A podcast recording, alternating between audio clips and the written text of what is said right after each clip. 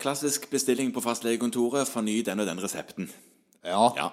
Så skulle jeg gjøre det på en eh, person som jeg sjelden ser, men eh, han får eh, Valagan, og det får han fordi han enkelte netter har problemer med å sove. Eller han merker at dette blir en dårlig natt, så tar han Valagan. Så sover han mye bedre enn han hadde gjort uten. ja.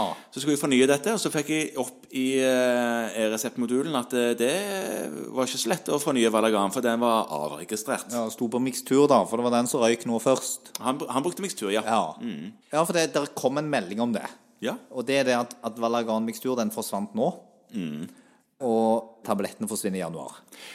Ja, for jeg måtte jo sjekke ut dette her. Eh, Så denne personen bruker nå tabletter, selv om det er en annen sak med den. Det kan vi jo snakke om en annen gang. Han, ha- han har, klarer nesten ikke å svelge tabletter. Nei. Så en må alltid finne ut om ting kan knuses eller ei. Ja.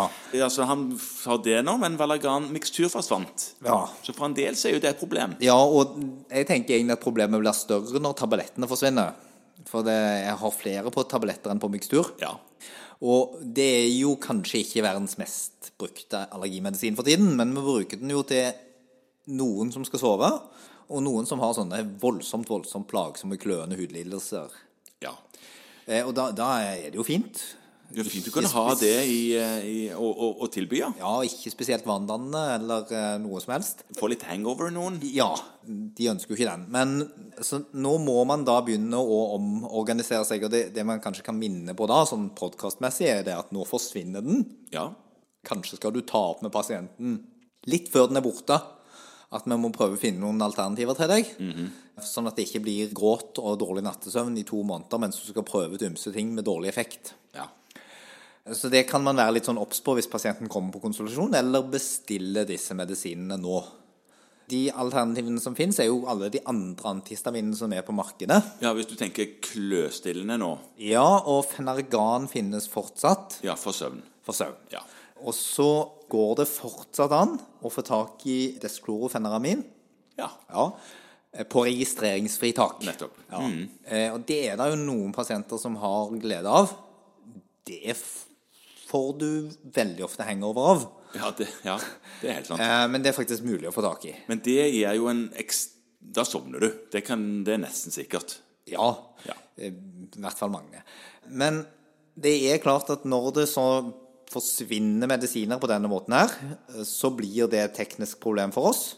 Og at vi må begynne å jobbe litt med det før disse pasientene Altså noen av disse pasientene som jeg kjenner, de har jo kanskje moderate psykiske sykdommer. Som gjør at en forstørrelse i søvnrytmen er veldig uheldig. Ja. Og da må vi være litt proaktive og kanskje snakke om dette i forkant, sånn at vi kan få prøvd ut noe i en god fase. Og det er enkelte av de som jeg tenker på vil ha et problem som står på min liste, som er yrkessjåfører.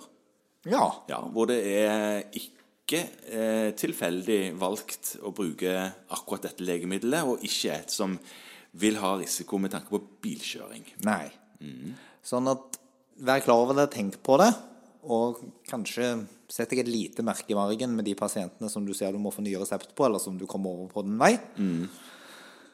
For å få sjaltet de over i en trygg overføring til et annet preparat den dagen dette plutselig er borte fra apoteket. Ja, for det er jo sånn at det plutselig er borte. Man, man, det blir, er like overraskende sånne ting, selv om man vet om det, som snøen er på høsten og for sjåførene som plutselig finner ut at i år igjen blir det glatt. Det er nå, det. Det er nå.